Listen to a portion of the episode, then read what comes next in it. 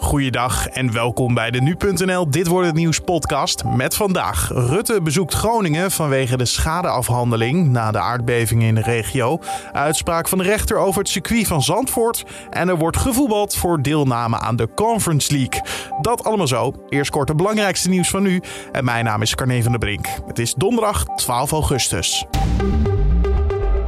Als ziekenhuizen teruggaan naar normaal, is voor slechts 100 coronapatiënten plek op de intensive care. Dat zegt IC-arts Diederik Gommers.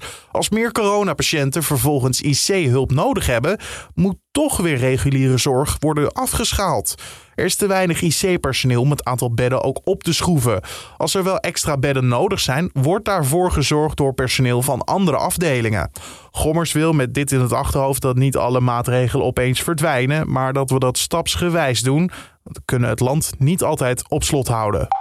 Ja, wie terug wil keren van een vakantie in een land met uh, kleurcode geel, moet sinds kort een coronabewijs kunnen laten zien. Nou, nou, wie positief getest wordt, moet langer op die bestemming blijven. En de extra kosten daarvan zijn vaak voor eigen rekening.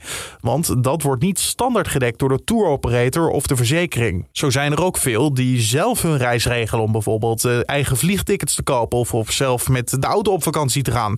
Ja, die zijn dan meer op zichzelf aangewezen. ANWB raadt reizigers dan ook echt aan om een goede reis af te sluiten en daarbij scherp te letten op de corona-voorwaarden.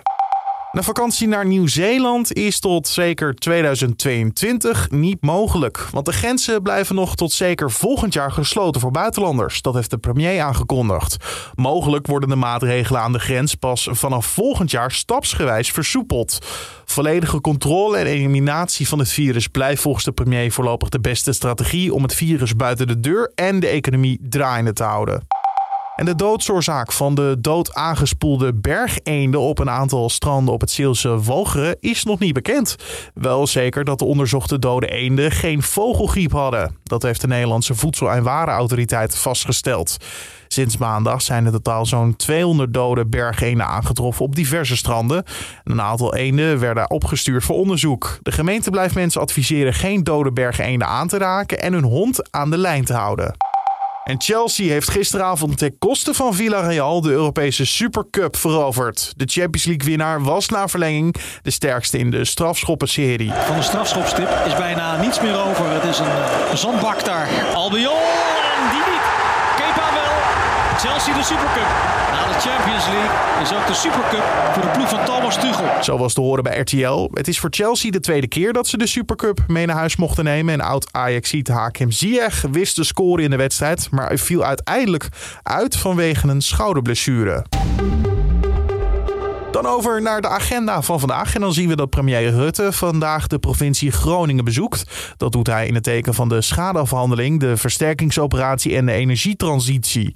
In Loppersum, zo'n 20 kilometer ten noordoosten van de stad Groningen, gaat hij samen met burgemeester Beukema in gesprek met leden van een commissie die zich bezighouden met de regeling om mensen in urgente situaties in het aardbevingsgebied te helpen.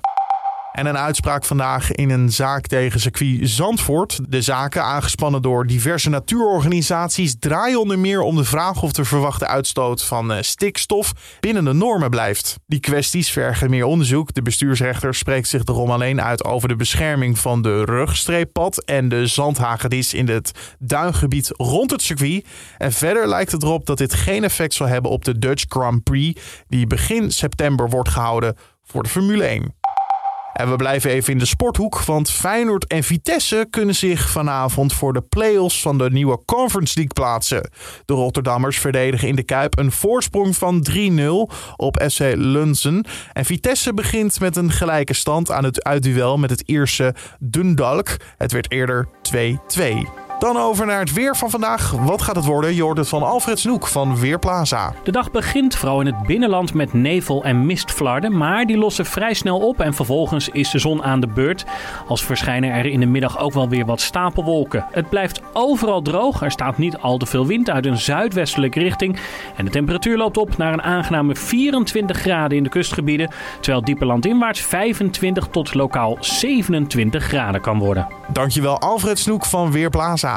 En om af te sluiten nog even een heerlijk verhaal. Want een piloot in Canada moet voor de rechter verschijnen vanwege een vlucht met zijn helikopter. Nou, de piloot was namelijk geland op een lege parkeerplaats zodat een passagier ijstaart kon kopen. Nou, omwonenden die stof en puin weggeblazen zagen worden toen de helikopter landde, dachten in eerste instantie dat er sprake was van een noodgeval, omdat de helikopter dezelfde rode kleur had als een traumahelikopter. Nou, volgens de politie ging het niet om een noodgeval en was de landingsplek illegaal. Dus vanwege een ijstaart moet de piloot naar de rechtbank. Ik heb een